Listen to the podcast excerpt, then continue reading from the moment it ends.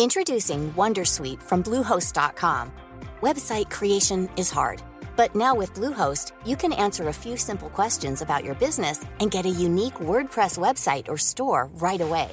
From there, you can customize your design, colors, and content. And Bluehost automatically helps you get found in search engines like Google and Bing. From step-by-step guidance to suggested plugins, Bluehost makes WordPress wonderful for everyone. Go to bluehost.com/wondersuite.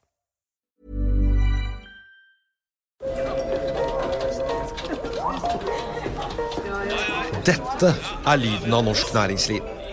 Akkurat nå tas det små og store valg som kan bli avgjørende for fremtiden. Med økonomisystemet X-Leger tas disse beslutningene basert på informasjon i sanntid, slik at drømmer og ambisjoner kan bli virkelighet. Få kontroll og oversikt. Gå inn på xledger.no. Denne sendingen er sponset av Xleger.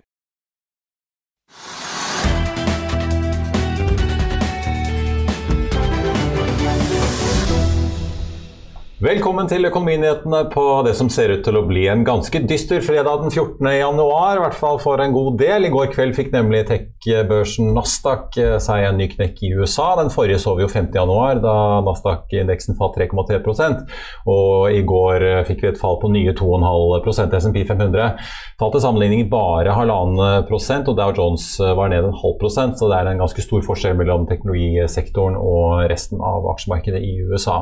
Uroen borte på den andre siden av Atlanteren bidro til en rød start i Asia i morges. Og her i Europa er det nå faktisk bare hovedindeksen her i Oslo som er en grønn øy i et rødt børshav. Hovedindeksen har ligget opp mellom en kvart og en halv prosent gjennom dagen. Nordsjøoljen er opp en halvannen prosent til solide 85 dollar og 40 cent, og den amerikanske lettoljen ligger like bak på nesten 83 dollar fatet. Og Ser vi litt på hovedindeksen, så er det jo særlig én driver bak oppgangen som peker seg seg ut, nemlig Equinor. Eh, den store statsdominerte oljegiganten er opp hele 3,6 i dag.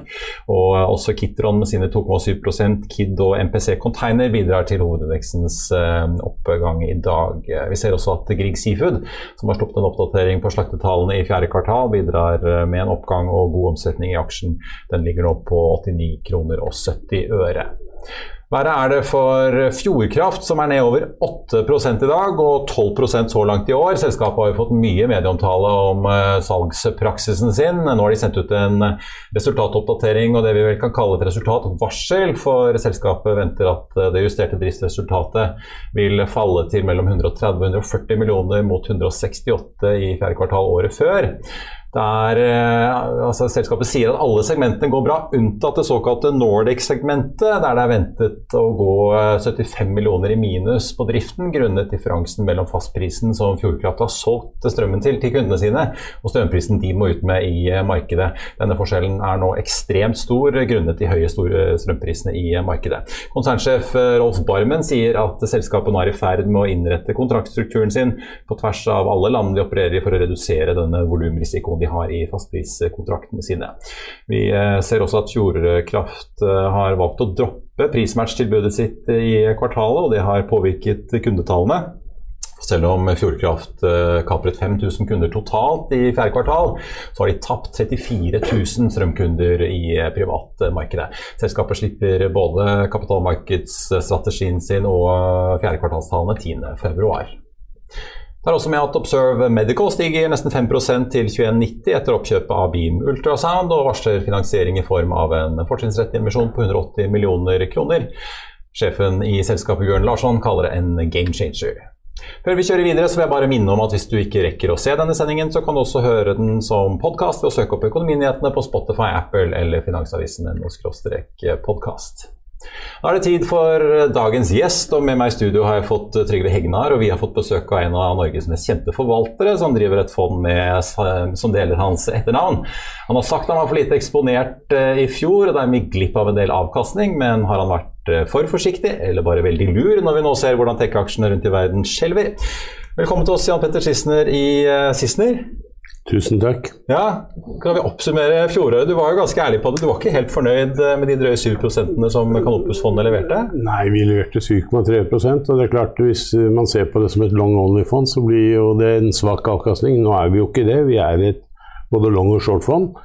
Eh, jeg skal ikke prøve å bortforklare det, fordi eh, vi er ikke fornøyd med 7,3% Noe av differansen uh, tror jeg skyldes uh, en catch-up av markedet. Hvis du går tilbake til 2020, så var vi opp 16 og markedet i null. Og at de tok igjen noe, det var bare å forvente. Men generelt gjennom fjoråret så var vi engstelige ja. for senvirkninger av, av uh, covid. Vi var engstelige for stigende råvarepriser, stigende kostnader, stigende renter, stigende inflasjon. Og en skikkelig cocktail, ja. En skikkelig cocktail. Betydelig mengde med nyintroduksjoner på børsen, som jo tapper for likviditet. Og sist, men ikke minst, så var jo vi veldig nervøse for valget og konsekvensene av valget. Men, ja. men, men, men, la oss minnes gjerne om at uh, du oppnådde 7% og markedet på Oslo Børs var 23 ja, noe sånt. Og, verden, og, og, og, verden, og, verdensindeksen var også 23% så du var liksom behind alt. Behind alt i fjor. Men uh, noe av det var ketsjup, og noe av det var kan si at vi kjørte altfor lav og mye lavere risiko enn markedet. Ja. Og din sønn og kollega Philip eh, han leverte jo 7,8 på sitt obligasjonsfond i det gjorde han. Ja. Var den litt sur? Man må jo få lov til å slå meg av og til. Ja. Han ligger nok litt etter eh, både i forfjor og i år, men eh, litt mer seriøst så er det klart at vi følte jo at markedet var, og føler fremdeles, at veldig mye, mange aksjer på Oslo Børs er veldig høyt priset. Jeg tror at medianaksjen på Oslo Børs var ikke i nærheten av å være opp til 20 Det var veldig konsentrert, det samme som på SNP f.eks. Ja, du måtte vel sitte i Equinor på hovedindeksen for å få den? Det måtte du absolutt. Ja. Men Skal du da ta mer sjanser i år for å kompensere at du lå langt bak i år? Overhodet ikke. for jeg tror dette, altså, jeg, jeg har jo våre kundeseminarer og sånn, og jeg sa til kunden at det var kanskje ikke riktig i, det var veldig riktig ja, i Canopus i 2020, det var kanskje ikke så riktig i 21, men jeg er sikker på at 22 så blir det veldig riktig. Vi er jo opp, altså, vi er jo opp snart 5 hittil i år, og markedet er vel opp 2 eh, eller noe sånt nå, ja. i Norge, og resten av verden er i minus. Ja. Men Fortell litt om de mekaniske, for dere er litt som du snakket om, dere er jo ikke bare et aksjefond som, som uh, kjøper og sitter på aksjer. Dere kan jo shorte. Dere har en del verktøy i fondet som fungerer vel i praksis som en hedgefond. Uh, det er jo et hedgefond. Uh, men, men, hva er det du da altså, Satt du da med mye cash? Var det short-posisjoner? Hva var det i dette her som gjorde at man ikke fikk ta den avkastningen som resten av markedet fikk da? Du kan si at Det vi trodde på, var jo stigende renter og høye råvarepriser. og, og eh, satt jo altså lang portefølje, den var vel opp 5-26% høyere oljepris. Mens eh, markedet var ikke villig til å ta det så godt så mye innover seg, bortsett fra kan si, akkurat Equinor, som er mer gassdrevet enn oljedrevet. Mm. Slik at våre indekshedger, altså vi har vært short indeksen for å holde en fornuftig risikoprofil, det kostet 14 eh, prosentpoeng i størrelsesorden. Men du, Jan Petter, når, når, markedet ser at det går såpass dårlig, og du har gode forklaringer våre, det, ja. mister du da kunder, eller er alle inne, eller er det noen som ringer og sier at nå er det nok når vi er over i et annet fond, eller kjøper selv, eller var, Vi hadde netto tilflytt gjennom fjoråret på borti en milliard. Mesteparten i bondfond, har likevel 400-500 millioner inn i Canopus. Eh, vi må se på hvem er kundene. Og kundene er stort sett eh, pensjonskasser slash eh, privatpersoner, mest privatpersoner eller deres AS-er. For de er i en aldersgruppe som er at det er mye viktigere å ikke tape penger enn det er eh, å liksom skulle slå inn indeks. Eh, vi mener jo at uh, ja, Vi kan diskutere indeksforvaltning, men Nei, Det skal vi ikke ta her nå. Men, men, men det er mye viktigere for dem det å, ja. å unngå å tape penger. Fordi, liksom jeg sier, da, jeg er blitt så gammel at skulle jeg tape mye penger nå, så er jeg ikke dit til å tjene dem igjen. Nei. Men du har fortsatt en av dine egne penger i fondet? Masse. Det har du alltid hatt. Det, har jeg, det, er, det er et pluss, det vil jeg si. Ja. Det er sånn vi liker det. Enten at direktører er aksjer i eget selskap eller eget fond. Nei, altså, kan si, jeg har 70-30 omtrent. Uh, fordeling mellom Canopus og Bondfond. Uh, og det er stort sett det jeg har av finansaktiva. Vi har noen småpenger i noen private equity-fond. Uh, og et, enda mindre penger i noe venturekapitalfond. Men Stort sett så har vi alle pengene i, i uh, Canopus og Monta. Jeg vet, jeg hopper litt, jeg vet, Kanskje Marius også vil ta det samme tema, men altså, våre seere er veldig opptatt av flyaksjer. Ja. Og fly. Vi leser jo alt vi skriver om fly, og flyaksjer. Vi var jo veldig flinke til å da følge Norwegian mm. på vei ned og hele greia.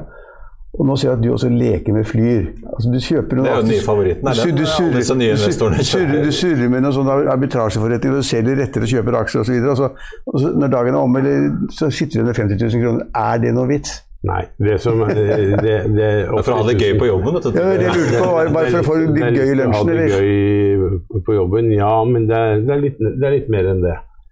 Uh, og klart, Hadde jeg greid å gjøre alle fem millioner aksjene som vi eide på den måten, så én ting så får du ut en 400 000 kroner.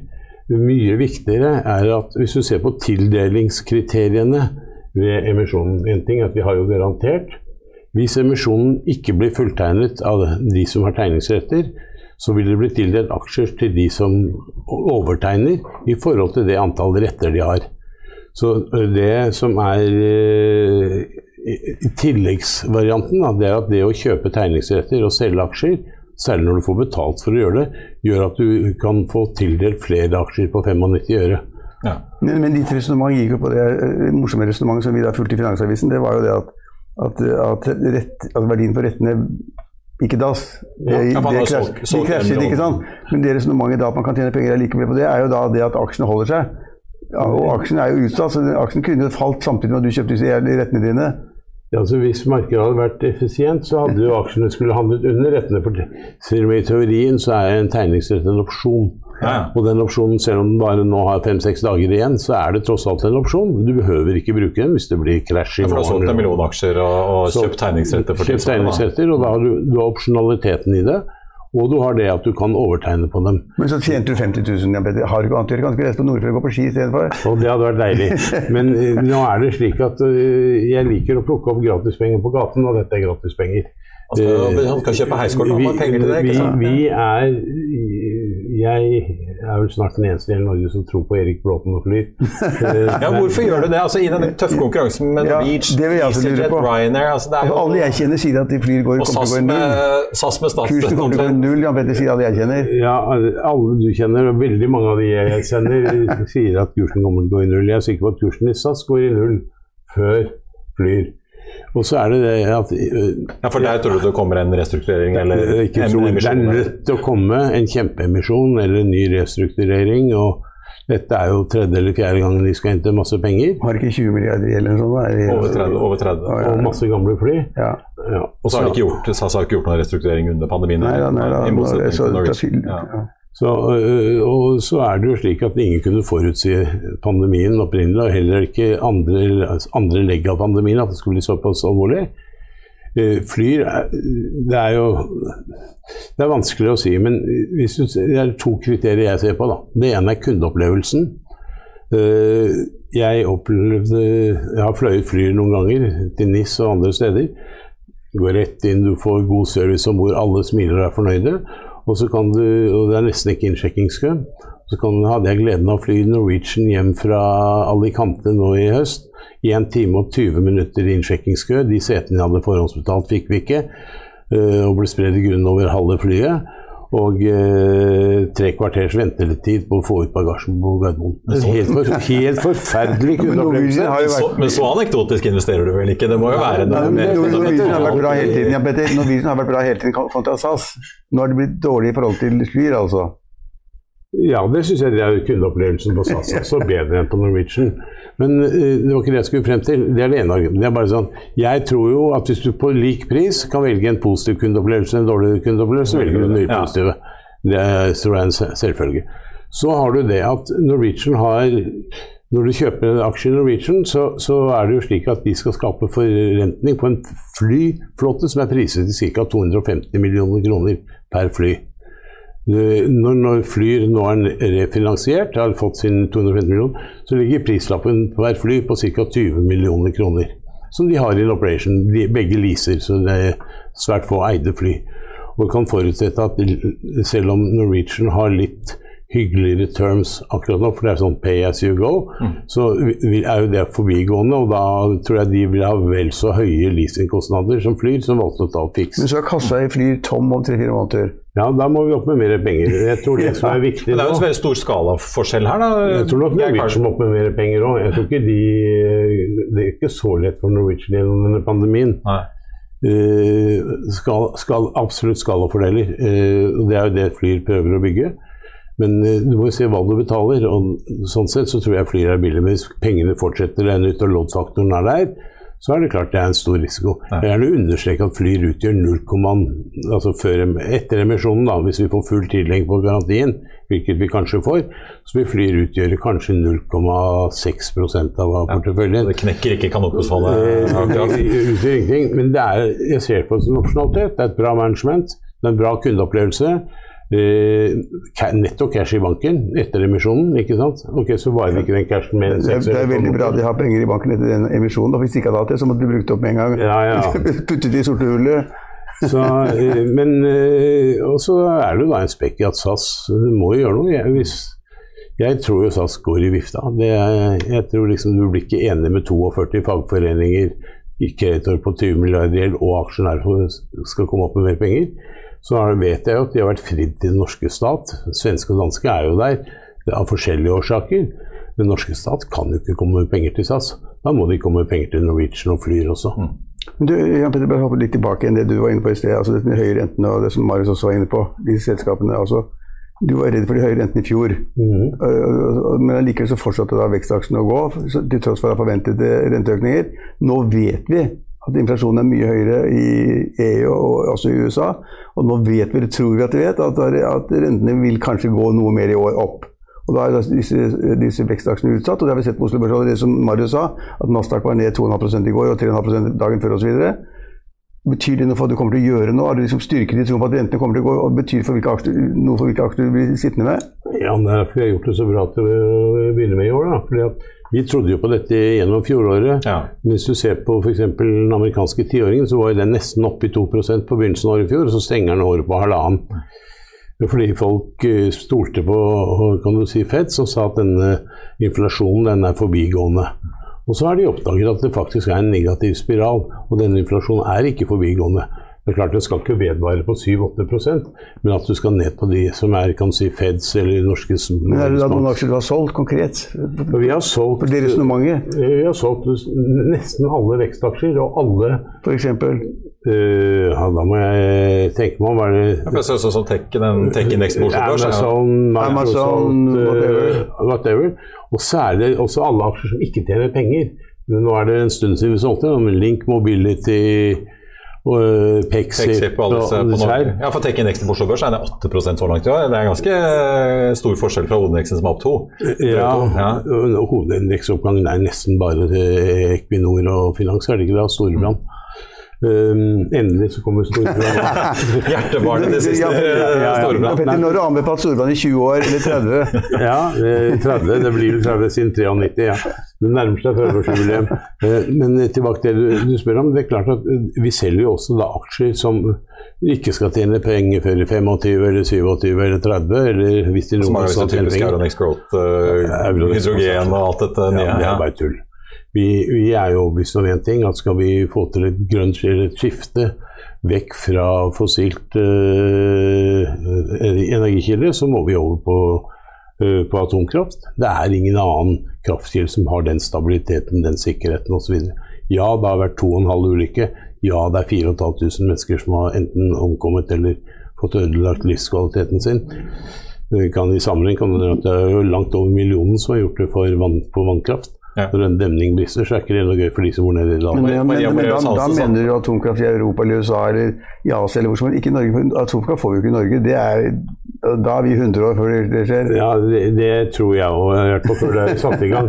Men du ser at de grønne i Finland om eller de grønne andre steder de begynner å skjønne at det er ikke noe alternativ. Så disse fuglekvernene som man skal ha Vindmøllene, mener du? Ja. Vindmøllene, ja. De, de, er ikke så bilt nok. Jeg er svært tvilende til om det er faktisk grønt. De spiser utrolig mye råvarer. Ja, for det, Maria Møres Hansen satt jo her tidligere denne uken og mente at uh, dette er, atomkraft er for, det er for dyrt. Uh, ja, det er... Dette er lyden av norsk næringsliv. Akkurat nå tas det små og store valg som kan bli avgjørende for fremtiden. Med økonomisystemet X-Leger tas disse beslutningene basert på informasjon i sanntid slik at drømmer og ambisjoner kan bli virkelighet. Få kontroll og oversikt Gå inn på xledger.no. Denne episoden er sponset av van Brun, en fremtredende smykkeforhandler kjent for sitt brede utvalg av forlovelsesringer, gifteringer og diamantsmykker som bæres og elskes i generasjoner. Et frieri er en av de største øyeblikkene i livet, hvor forlovelsesringen er et tidløst symbol på kjærligheten. Ring krever omtanke for både hvilket metall og diamant, med et bredt spekter av både naturlige og labdyrkede diamanter, og metaller som platina, gult gull, hvitt gull og roségull, hjelper de deg med å sette et personlig preg på din kjærlighetshistorie. Van Brun vil gjerne invitere deg til å prøve på tre av dine favorittringer fra nettsiden helt kostnadsfritt. Du kan også låne et bredt spekter av frieriringer, slik at du og din forlovede kan velge en ring sammen etter det store ja. Van Brun tilbyr 90 dagers åpent kjøp og 90 dagers gratis størrelsesjustering. Utforsk deres eksklusive sortiment i luksuriøse omgivelser. Bok en konsultasjon sammen med en diamantekspert i deres showroom i Oslo. Eller online på vanbrun.com. V-a-n-b-r-u-u-n.com har investert i EDF. Dere fikk jo litt knekk på den pga. vedlikeholdene de måtte gjøre på kjernekraftverkene sine i Frankrike. Men, men uh, du har satt penger i troen på dette atomkraften? Vi tror på atomkraft, og, og EDF får vi ordentlig bank i dag. Dessverre. Det er bare 2% av fondet, men den var ned 20 da jeg gikk hjemmefra. Fordi franske myndigheter har sagt at prisen på strøm den er 70 øre eller en krone eller hva det er, fastpris. Og det må da EDFs aksjonærer ta en bytting på. Vi får se hva vi skal gjøre med det, om dette bare er avisoverskrifter, om det er realiteter. Det kan nok skje her i Norge også. Uh, at myndighetene sier at nei, prisen til forbruker i Norge er 70 øre eller en krone eller whatever. Men uh, strukturelt så er atomkraft, tror vi, den eneste stabile du kan ha. Du vet, du vet, det er veldig rart man sier klimaet endrer seg. Men så gjør man massive investeringer og forutsetter at vinden ikke endrer seg. Eh, det virker ikke helt logisk, hvis du spør meg. Men tror, Er du fortsatt troen da på, altså, med de høye olje- og gassprisene som er nå, at har jo Equinor annet, Aker BP og disse aksjene gått som en kule. Mm. Uh, har du troen på at det kan gå noe mer, eller er toppen nådd i, i ja, den uh, delen av nå, markedet? nå går jo Equinor i dag fordi gassprisen er vel oppe en 8-10 i dag også.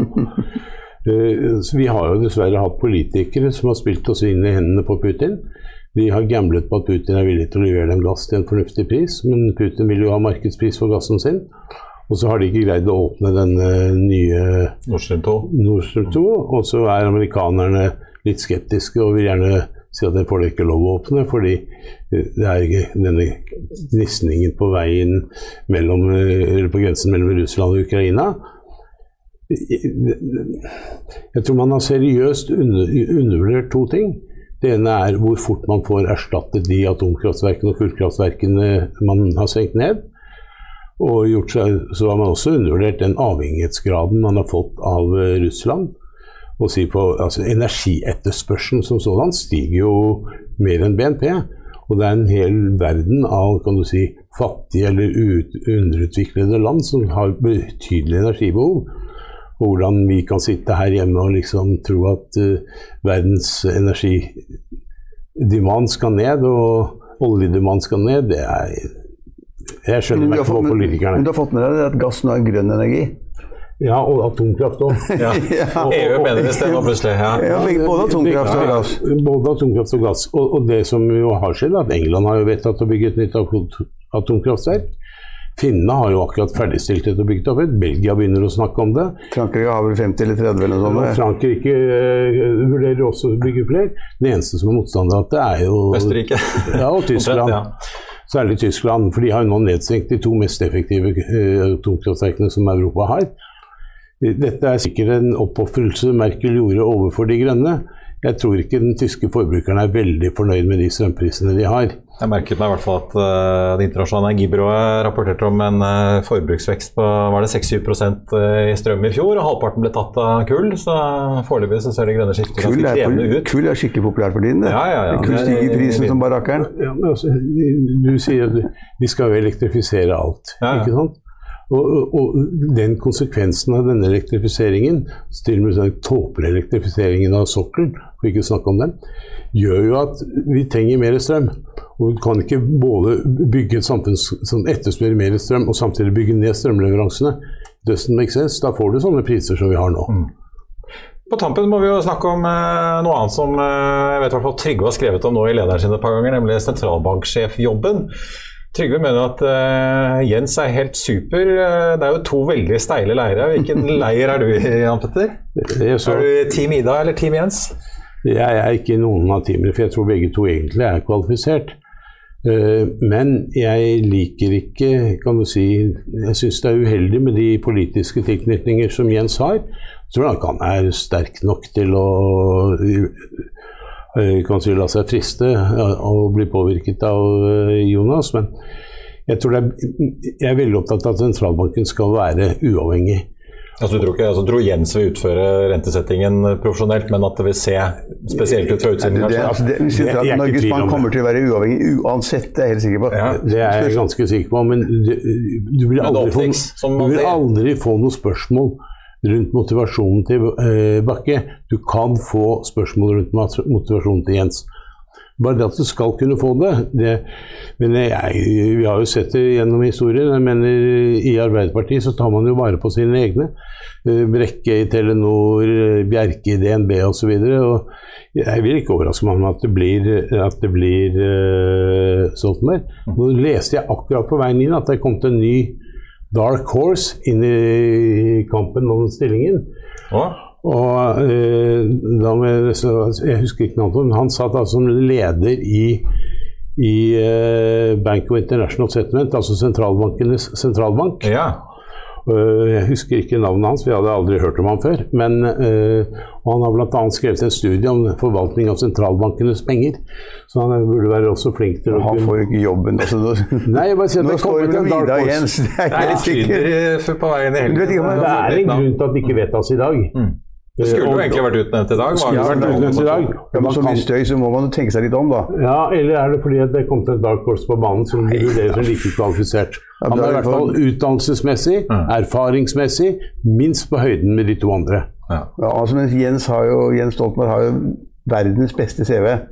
Det er jeg helt sikker på. Ja, man har verdens beste CV. Med utdannelsen og med de stillingene han har hatt, så har han verdens beste CV. Ida Wold Bakke er meget god, hun også. Det er en av de to får jobben. Men det som jeg synes er det viktigste poenget her, det er at Stoltenberg, altså hvis han skulle bli sentralbanksjef, så er det ikke slik at han da på noen måte ville ture og flagge et eller annet politisk ved en rentesetting eller noe som helst. Det en eller annen i Norges Bank ville lekke dagen etter at vi hadde et møte her i rentekomiteen. ikke sant? Det er hemmelig. Men altså Jens begynte å mase på at vi skulle sette renten opp eller ned. Alle var uenige. og Han kommer aldri til å gjøre Nei, det. nei, men- jeg, sa det. La meg spørre dere om det. da.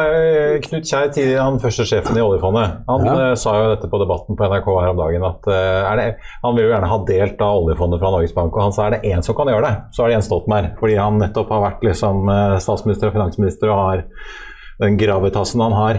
Tror du noe på det, Jan Petter? nei, jeg tror Vel, jeg håper det skjer.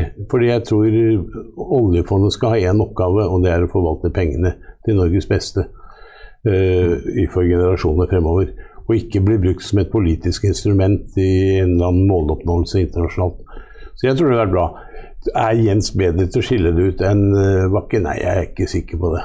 Tror du det blir skilt, Trygve? Nei, det tror jeg ikke. tror ikke det Politikerne når man, vil ikke gi man fra har seg. utstedet det, sett på det, alle har tenkt på det, lagt det i skuffen, de det kommer ikke til å skje noe. Men, men Jan det, før du går, Marius skulle slutte nå. Altså, har du ett råd til våre seere om en aksje, ikke Storbrann. Én aksje som du kan- plukke og si at dette tror jeg på hele 2022. Ja, det En. Én aksje. Ja, jeg tror Én aksje jeg tror på i 2022. Den går gjennom de største. Altså, spørsmålet hva du ønsker å oppnå. Hvis du er fornøyd med å oppnå en 8-10% avkastning, og jeg ikke får lov å ta Storebrand, som kommer til å gi deg mye mer ja. Ja, det har jeg hørt så mange ganger. Det orker jeg God ikke nummer på. to, da. Da får en. En eh, god nummer to. Jeg tror eh, Jeg tror Nod fremdeles, altså Nordic Nordic Semi, Semiconductor, ja. det er jo en dyr aksje, så eh, sentimentet vil nok være mot den, men de kommer jo med en omvendt profit-warning i dag. Eh, nei, Skipsted. Okay. kan være en kjempespennende aksje, men den er også en høymultipel aksje i, i den delen som heter Adevinta. ja. Ja, den internasjonale Men den- ok, så da sier- sier- våre lesere, lesere og seere, Skipsted hører de. Og det der med shortingen av Tesla vil kanskje være med? Nei, overhodet ikke. Men jeg, vi, nå er vi short, og det gjorde vi jo i fjor. Altså, vi fikk Ja. jo, I forfjor fikk vi ordentlig bank. Da og I fikk fjor du så, litt eh, i fjor så tapte vi også litt på Tesla, men ikke så mye. Men det er vi kjøper opsjoner, og, eh, altså spredd. Akkurat slik vi ligger an nå, så må Tesla gå under 900 eh, innen eh, 30.6. Eller gå over 1375. Da tapper vi penger. Eh, hvis jeg ikke korrigerer underveis. Da skal vi invitere deg igjen på slutten av juni. Det skal vi snakke om. Det er en jævlig morsom case. Ja, Du tror at Tesla er over 1375? Jeg mener så at Tesla er dyr, men poenget er at jeg kan ikke fighte markedet. Du er jo i markedet og kan Nei, gjøre det. det. Når du snakker om hvordan vi gjorde det i fjor, så er nok en av de tingene vi undervurderte seriøst, er flyten av penger fra retail-investorer. Og du vet, Hvis du ser på uh, gjennomsnittsaksjen på SNP, var jo omtrent i null i, i fjor. Altså, Indeksen var 25 Men har du shortet Tesla nå igjen? Ja, jeg er lang putter. Ok, Sisten er fortsatt shorter av Tesla. Bra. Da skal vi ha det tilbake i juni, skal vi se hvordan det har gått så langt. Det gleder jeg meg til. Og så får vi se hvordan dette markedet går. Men dette tror jeg blir stokkpikkernes år. Du får ikke hjelp av verken flyt eller andre ting, men det kommer masse store emisjoner som kommer til å tappe markedet for penger. Ja, Petter Sissener i Sissener, tusen takk skal du ha, og god helg. Takk i like måte. Ord til deg også, Trygve. Da skal vi til Kina og eiendomsgiganten Evergrande. Deres gjeldsproblemer har vi jo fulgt med siden i fjor, og nå er det klart at Evergrande akkurat har unngått det som ville vært selskapets første mislighold av et innenlandsnotert obligasjonslån, takket være at man fikk på plass investorer som støttet utsettelsen av et avdrag på 707 millioner dollar. Bloomberg har mer. The big question, what next for Evergrande?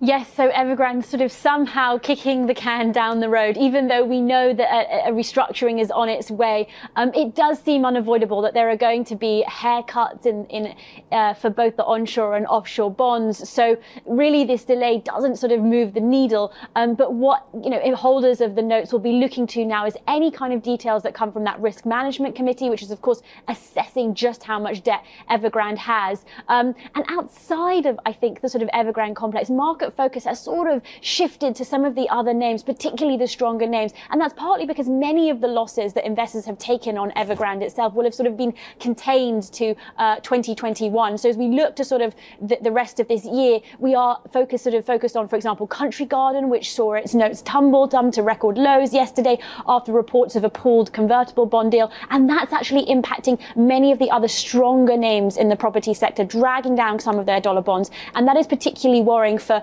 um, investors that are looking at contagion and this idea that you know good credits will be dragged down even with the bad.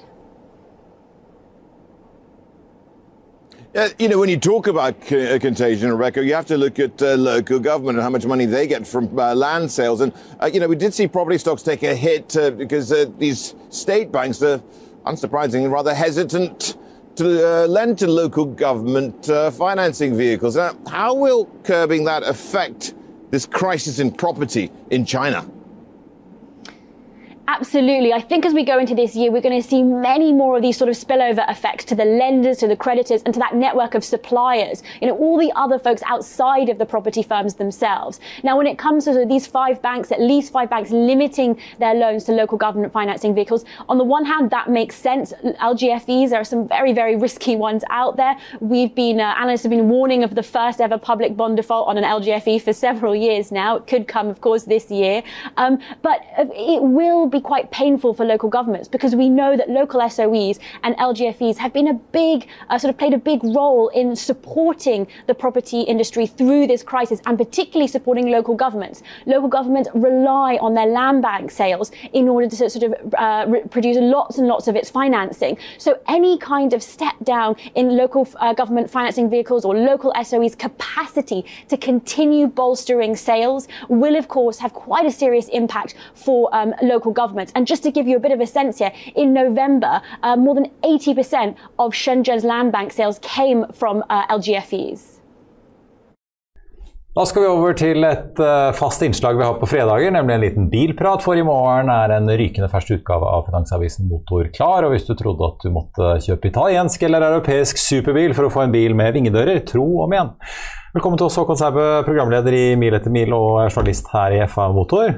Takk, takk. Kanskje vi skal begynne, begynne, med det. Jeg tenkte Vi kan jo vise den på skjermen her. Ja. Dette er ikke en eh, Lamborghini med dører du flipper opp, men eh, noe fra Kina. Fortell.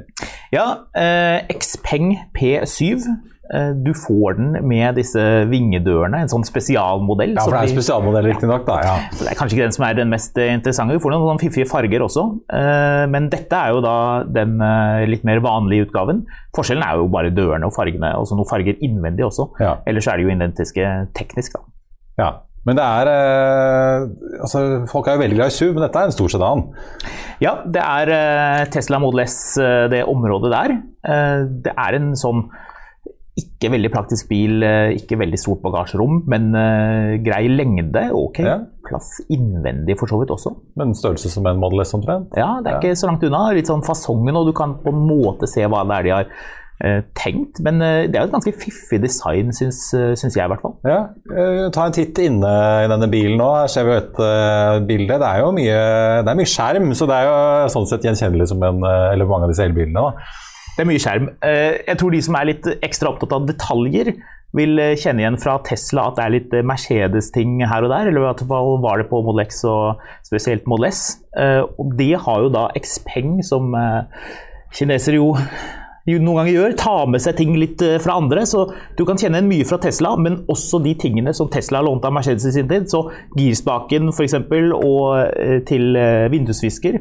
Um, Veldig likt, bortsett fra kanskje ikke riktig så mye finesse som hos Mercedes. De har latt seg inspirere, som det heter. eh, Så da er det jo bare å glede seg til testen av det. Du, det siste vi må prate om, er eh, noe litt mer nostalgisk. Vi ser på skjermen her eh, det som vel ser ut som et riktig så hyggelig biltreff nede på kontinentet. Men dette er ikke et BMW-treff. Fortell hva er det denne reportasjen handler om? Ja, det er BMW sin litt artige avart. Det er jo faktisk et eget bilmerke. Jeg tror ikke det er så mange som visste om det. Alpina eh, dukket opp i 1965, og familien har jo drevet med litt av hvert vin bl.a. Men de driver jo da med tuning og fiksing av eh, BMW-er. Så det har blitt en eh, stor greie, spesielt i, eh, i Tyskland, Østerrike, Sveits og tror jeg et bra marked i USA også. Ikke så mye i Norge, men det er jo noen entusiaster som eh, samles, da. Sånn som her. Så vi har hatt en reporter som har vært ute og sjekket litt på dette. I hvert fall alpine- alpina-treff. Eh, men ja, for liksom, de skiller seg jo litt ut fra en del andre tuningaktørene tuning-aktørene ved at de også piffer opp interiøret ganske mye. Så de har jo litt sånn særegent utseende, disse BMW-ene fra Alpina. Ja, ja, de eh, elsker jo sånne gulldetaljer utvendig, og denne ty alpina-typiske blåfargen som er litt sånn mellomblå, verken lys eller mørk. Så man kan jo ganske lett kjenne igjen hvis den er valgt i en slik farge, og det er det jo mange biler. Det ser jo litt, nesten litt sånn rart ut at du har noen biler fra 70-, 80-, 90-tallet, og så helt nye biler som har ganske mye av de samme fargeelementene i seg. Og masse mer bilder og juicy stoff fra Alpina-treff og mye annet. Det får du selvfølgelig FA Motor. Håkon Sæbø, takk skal du ha, og god helg. Da skal vi ta en titt på markedet nå, helt eh, på tampen av børsuken. Oslo Børs ligger fortsatt opp eh, i grønt eh, med en grei margin, opp rundt en kvart prosent. Og Dermed ser det ut til at vi holder ut for så vidt da som den eneste store børsen i Europa som er i grønt denne uken. Og Det er jo da særlig oppgang i Tequinor på nesten 4% som bidrar til dette. Men også oppgang på Yara og Aker BP på litt over 0,7 i dag. MPC Container er opp 3% og bidrar også som en av de mest omsatte aksjene. Grieg Seafood, som kom med kvartalsoppdatering, er opp eh, også nesten 4 Ser vi på taperlisten, så er det jo da Fjordkraft som er den store taperen etter eh, resultatvarselet sitt i dag, ned 7,7% Og vi ser også at Harmony Chain sliter med en, eh, et fall på 7 Eh, Den andre som sliter kraftig på børsen, er Seabird Exploration, ned hele 38 eh, i dag. I Finansavisen i eh, morgen kan du da selvfølgelig lese FA Motor og masse helgestoff. Du kan eh, få med deg Trygve Hegnars leder, og det blir også ukens aksje. Den fant vi litt bortgjemt på dansk sokkel, nemlig Noreco. Og du kan også lese intervju med den splitter nye Nell-sjefen som begynner jobben til eh, sommeren. Det var det vi hadde for deg på denne fredagen. Tusen takk for at du så på. Mitt navn er Marius Lorentzen, og vi er tilbake på mandag klokken 14.30. I mellomtiden ønsker alle vi her i Finansavisen deg en riktig god helg. Takk for nå.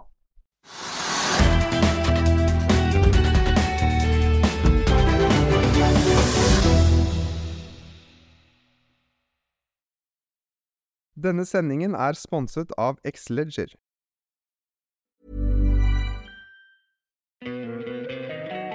Don't you love an extra $100 in your pocket? Have a TurboTax expert file your taxes for you by March 31st to get $100 back instantly. Because no matter what moves you made last year, TurboTax makes them count. That means getting $100 back and 100% accurate taxes only from Intuit TurboTax. Must file by 331. Credit only applicable to federal filing fees with TurboTax full service. Offer can be modified or terminated at any time. Spin your passion into a business with Shopify and break sales records with the world's best converting checkout. Let's hear that one more time. The world's best converting checkout. Shopify's legendary checkout makes it easier for customers to shop on your website, across social media, and everywhere in between.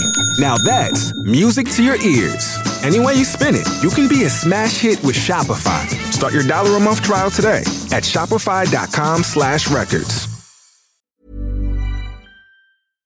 Økonominyhetene er en podkast og videoproduksjon fra Finansavisen. Programleder er Marius Lorentzen. Aksjekommentator er Karl Johan Molnes. Produsent er Bashar Johar. Podkast- og videoansvarlig er Marius Mørk Larsen. Og ansvarlig redaktør er Trygve Hegnar.